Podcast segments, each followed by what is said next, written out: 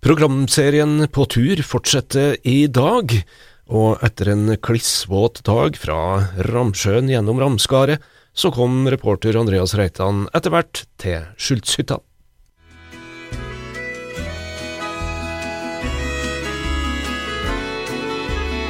Bli med Nea Radio og Radio E6 på tur, der vi besøker Trondheims Turistforenings hytta i Trollhemmen og i Syla, og ser på fjellturismen før, nå og i framtida.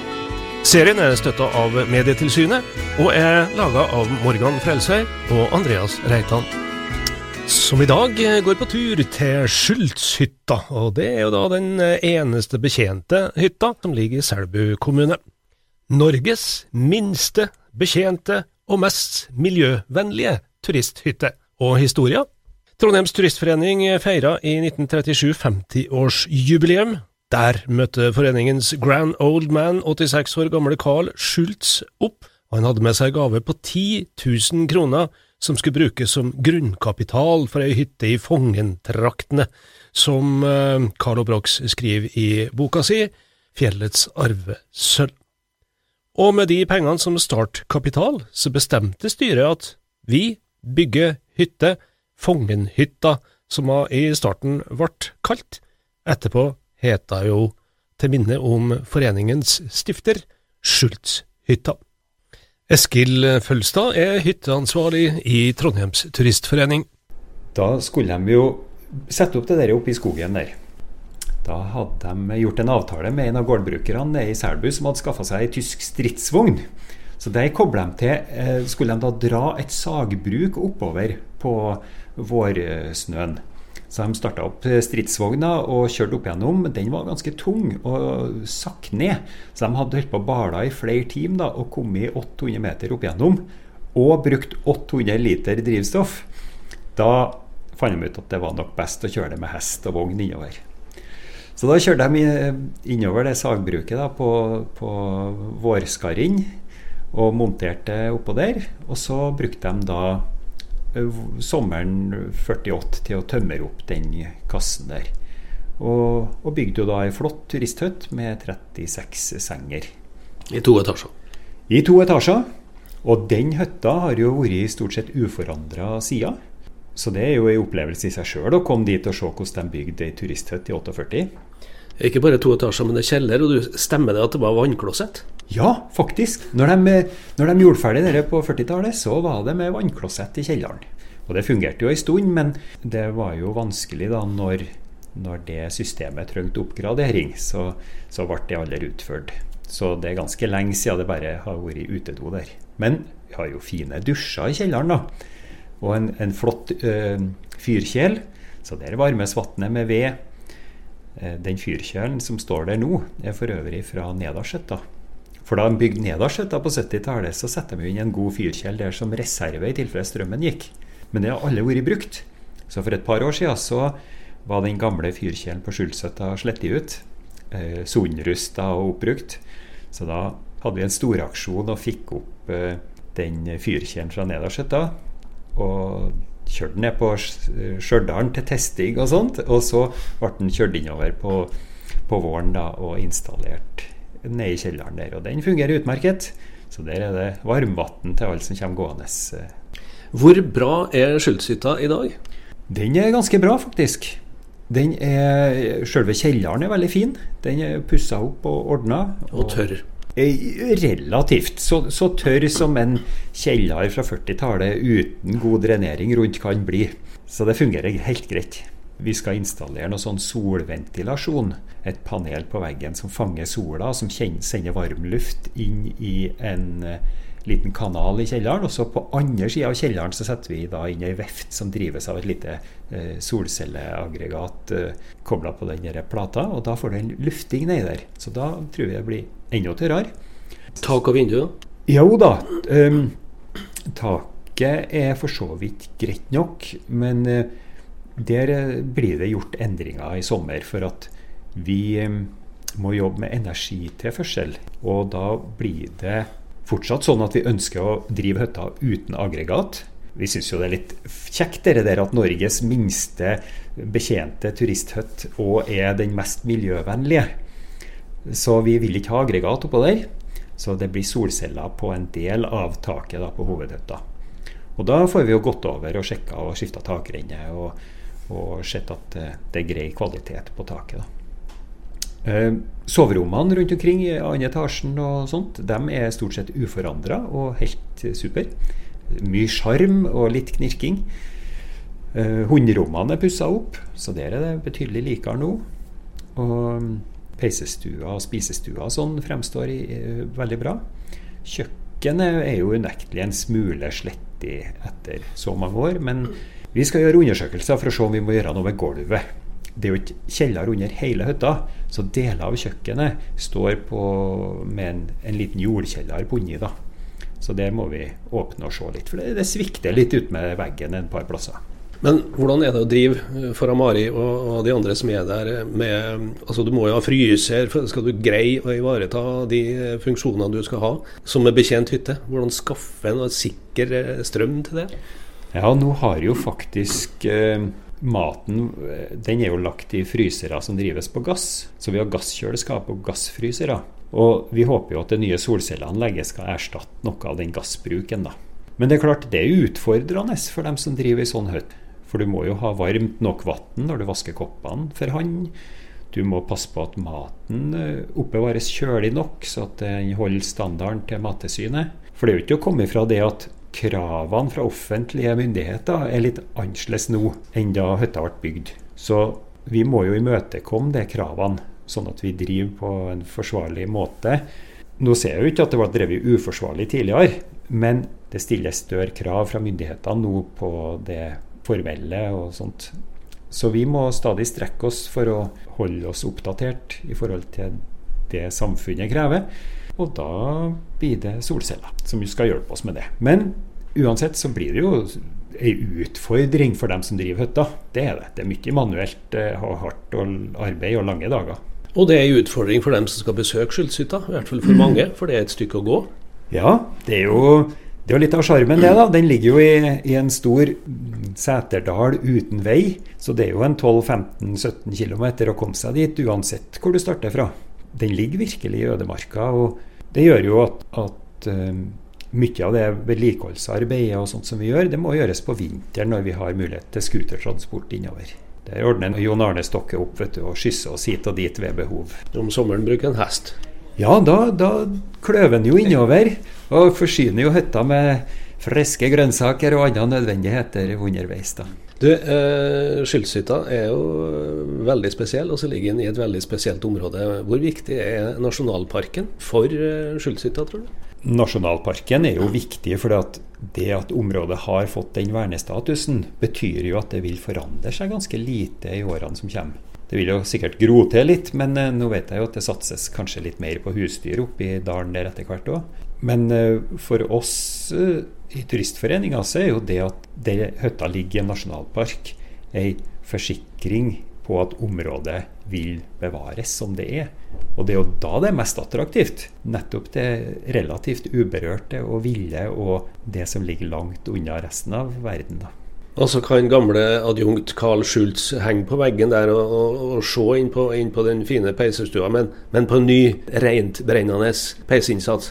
Ja, Han skal få lov til å henge der og beskue hytta si til evig tid. Og han får da nyte eh, varmen fra rentbrennende ovner med brannsikker innsats med fin glassplate og lite vedforbruk. Mari er veldig glad i den peisinnsatsen for øvrig. Så langt eh, takk til Eskil Følstad igjen, og over til vertinna på Skyldshytta, Mari Nygaard, som eh, tidligere har jobba på Stor-Erik-Vollen. Jeg jobba på Stor-Erik-Vollen eh, for tolv ja, år siden, da, sammen med Anette på Stor-Erik-Vollen. Så hadde jeg ferie en uke uh, når jeg jobba der, og da gikk jeg bl.a. hit. Og det var spennende å være her i løpet av det året så blei den hytta her sånn uh, gjort om til å bli en betjent hytte. For den, når jeg var det her sånn første gang, så var den, så var den uh, selvbetjent, og det var noen hyttevakter her. Og da ble jeg spurt av en av damene, fremstående damer, da, kanskje i Turistforeningen, om ikke jeg hadde lyst til å jobbe her. Eller anbefalte meg å kanskje søke, da. Og da gjorde jeg faktisk det sporenstreks. Mm. Og da fikk jeg jobben. Ja, Det er jo kjempegod lønn, er ikke det? Jo, veldig god lønn. Det var derfor jeg begynte. Men Stor Erik og, og Skjøldshytta er jo de to hyttene i eh, Syland i hvert fall som kanskje ligner mest på, på hverandre, og som er kanskje den, litt eh, Hvis vi snakker om Schultz-hytta og Carl Schultz, er liksom den stilen, den gamle stilen. Var det det som tiltalte, eller? Det var vel kanskje området på en måte også som tiltalte meg. Jeg er veldig glad i eh, skog og myr og vann, og uh, hytta var jo veldig koselig òg. Og historien den kom jo etter hvert, egentlig. Jeg visste ikke så veldig mye om historien og, og den biten der sånn i første omgang. Den kom jo etter hvert. Men uh, Skjuldshytta var jo ikke like oppdatert som Stor-Erik Vold. Hva venta deg da du kom hit for tolv år siden? Ja, det var jo uh, hytta her. Det var jo veldig rotete her når jeg kom hit første gangen. når vi starta, vi starta med å prøve å få rydda opp litt her. og vi starta med den gamle fyrkjelen. Vi hadde opplæring i hvordan vi skulle bruke den for å få vann til opp, vaske opp for hånd. Eh, så fyrkjelen er jo egentlig det viktigste som vi egentlig har her for å kunne drive hytta for å få varmvann. Vi må ha minimum 70 grader i fyrkjelen for å kunne vaske opp oppvasken vår her. Så veldig mye går ut på det, på en måte. Får vi til det, så er mye gjort. Og vi har gassom, eh, gasskjøleskap, eh, sånne ting, som også vi lærte oss etter hvert eh, hvordan vi skulle få til å fungere greit. Og det er mørkt her, da, for vi har jo ikke noe, har jo ikke aggregat eller sånne ting. Så det går jo på parafinlamper og stearinlys. Vi har fått litt mer eh, strøm her nå, for vi har fått litt mer solcellepanel. Så vi har lys oppe i annen etasje, og lys på kjøkkenet og lys nede i kjelleren. Det hadde vi vel ikke så veldig mye av i starten her. Hvordan er netteren for uh, vertinna da? Brannvakt og parafinlampa og alt sånt, er det du som tar siste runde? Ja, jeg pleier å ta siste runde. Ja. Og vi har jo, jeg tenker liksom det at vi, uh, så lenge vi bruker de parafinlampene de, uh, og, og omvannet og, og stearinlyset, altså, da er jo folk her. Gjestene er her, så vi er jo flere som holder litt øye med de litt brannfarlige plassene. Da, så det har gått bra hittil. Veldig bra. Men vi håper jo på litt mer framskritt, så vi kan få litt mer moderne teknologi inn her òg, da. Og det er nok på vei. Både med lys og med kjøleskaper og frysebokser og sånne ting. Så vi får det litt lettere og hverdager og ja, litt mer sikkerhet. Men det er jo langt hit, da, å få frakta inn varer? Ja, det er langt. Det meste blir jo frakta inn med helikopter om sommeren når vi åpner eh, hytta her, så har vi ett helikopterslipp. Eller det blir jo flere slipp, egentlig. da. Vi kjører fram og tilbake tre-fire ganger stort sett for at vi skal få inn det vi trenger av mat og forskjellige ting, eh, materialer og sånt, som vi trenger i løpet av perioden som vi har åpent her. Og så har vi gjerne ett helikopterslipp til i løpet av sommeren for å få påfyll. For vi har ikke plass til all verden, egentlig. Og utover det så har vi eh, Jon Arne som kommer med kløv. Stort sett med grønnsaker, ferskvarer. Så vi får påfyll eh, da i løpet av høsten, stort sett. Han kommer i dag for siste gang. To dager før vi skal stenge, så da får vi bitte litt påfyll fra Jon Arne.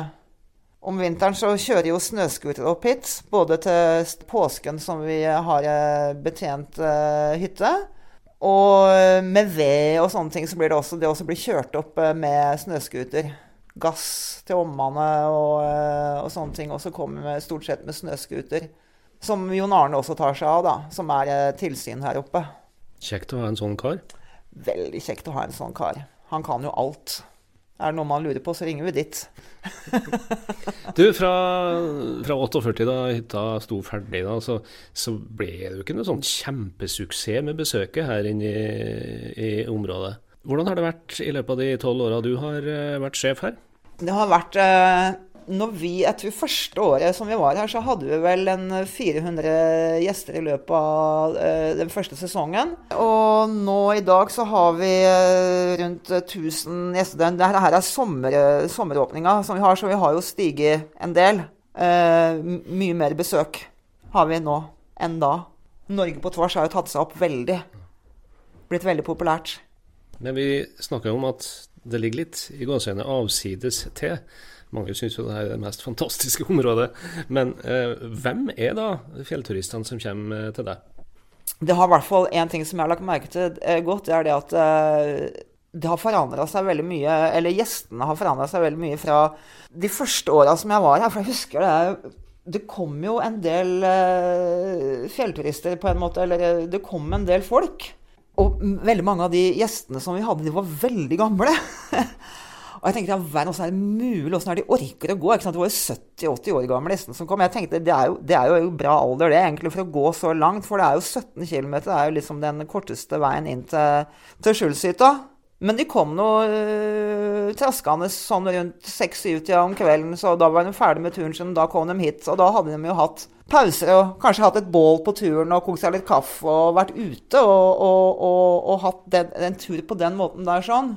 I forhold til nå så kommer jo uh, gjestene kanskje ja, fra sånn rundt klokka to og utover, og det er sjelden at noen kommer senere enn klokka fem. Da liker de å slappe av og kose seg på hytta, og før eventuelt middag og sånn, så stor forskjell på det, ja. Det er, jeg tror det, det er, de syns det er litt gøy å komme fram litt fort, så de, har, eh, så de går litt på tid og har litt sånn konkurranse med seg sjæl og kanskje noen andre og hvor fort de kan gå da, mellom hyttene. du har nettopp hatt en hel skoleklasse her. Hvordan gikk det? da? Jo, det gikk veldig bra vi er veldig imponerte. Jeg må si det at, eh, at maken til gruppe som vi har hatt eh, nå eh, fra Steinerskolen, da, det skal leite lenge etter. Vi hadde jo Steinerskolen her som første gangen for tre år siden. Tiende klasse på ungdomsskolen. Og eh, jeg husker jeg kom opp eh, på tørkerommet, og der sånn står det masse, masse støvler. De hadde jo tatt støvlene sine opp på tørkerommet, og det var jo bare noen sånne søleklumper som lå oppi tørkerommet, ikke sant, som de skulle prøve å få tørka de skoene sine. da. Jeg bare tenkte at det her går jo ikke. Så hadde vi heldigvis eh, besøk av Harald Eriksen, som var driftssjef den gangen der. Da. Så han Jeg sier til Harald nå må du komme her og se, ikke sant, det her, sånn kan det jo ikke være. Så Harald tok med seg en støvel ned mens uh, ungene satt og spiste middag og, og, hadde litt opplæring i hvordan det skal behandle støvlene sine for å få de tørre, da. og det var jo liksom Det var jo liv i, i, hytta, må jeg si. Både seint og tidlig, på en måte, første gangen de var her. Men når de kom nå så sier jeg det, så må du huske på det at du må ta ut sålene og vaske støvlene og sånn uh, før du setter på tørkerommet. Så sier de det der, der sånn, det vet vi alt om, for det har vi hatt kurs om før vi har begynt å gå denne turen. så det var jo bare så gøy å se. ikke sant? De vrei jo sokkene sine og hadde fine Tatt i sålene og putta avispapir oppi de her i klissavåte støvlene sine, så veldig bra. Det var stille i hytta klokka elleve. Mari, hvordan blir det å avslutte sesongen? Ja, det er jo alltid litt sånn uh, følsomt på en måte. Fordi uh, nå har jeg ikke vært uh, og sett en bil eller en butikk eller en bensinstasjon på over tre måneder. Bare vært oppi her. Det er jo deilig, samtidig som det er litt, litt trist. Litt nostalgisk å dra herfra. Så litt av det ligger igjen her? Ikke så veldig mye. ja, tanken, Nei, egentlig ikke. Når jeg går herfra, har kommet liksom ut fra Roltaren og sånn, så er liksom uh, den jobb, jobben, eller den tida som jeg har vært her oppe nå i sommer, den liksom bare forsvinner liksom egentlig ganske fort ut av huet. For da er det liksom nye greier, og, og da er det liksom tilbake igjen til det her helt vanlige, det som man har ellers. Vanlig hverdagen. Som uh, liksom tar tak igjen, da. Men så blir jo påske, da. Og kanskje påskeåpent? Ja, det får håpe. Det hadde vært fint hvis vi kunne hatt åpent, og at vi kunne ha det sånn eh, som vi har hatt før eh, koronaen. Da, at uh, gjestene kan bare komme når de vil, når de passer på dem, uh, når de ser det er fint vær og, og sånne ting. Og, og, ha det litt sånn uforutsigbare når det gjelder antall gjester og sånne ting. Så jeg gleder meg til det, egentlig. Vi pleier å ha en uke eller to uh, uker med dugnad før påske. Som det kommer opp uh, noen gjenger med flittige arbeidere som, uh, som, som vi får fiksa til hytta ganske godt. Vi driver og maler og vi pusser opp og vi oppgraderer hytta egentlig ganske bra stort sett i løpet av de dugnadstimene eller dugnadsdagene som vi har før påske. Og det er jo en greie som for meg er veldig viktig, så vi liksom kan få litt eh, modernisering, kan du kanskje si. Eller litt uh, at det blir, uh, at det blir senest, At det blir lettere å jobbe her framover. Og det er jo veldig fine uker, det også, faktisk, med de her dugnadsarbeiderne. Da treffes vi da. Ja. Så bra. har du snakka med Eskil? Nei, men det Ja, det har vært supert. Da har vi besøkt eh, Schultz-hytta. Du hørte Mari Nygaard, vertinna, til slutt, og før det hørte du også Eskil eh, Følstad, hytteansvarlig i Trondheims Turistforening. Har du lyst på dugnad, får du ringe en Eskil og melde deg på. Og så får du litt fjelltur med sol i skuggeskog til slutt.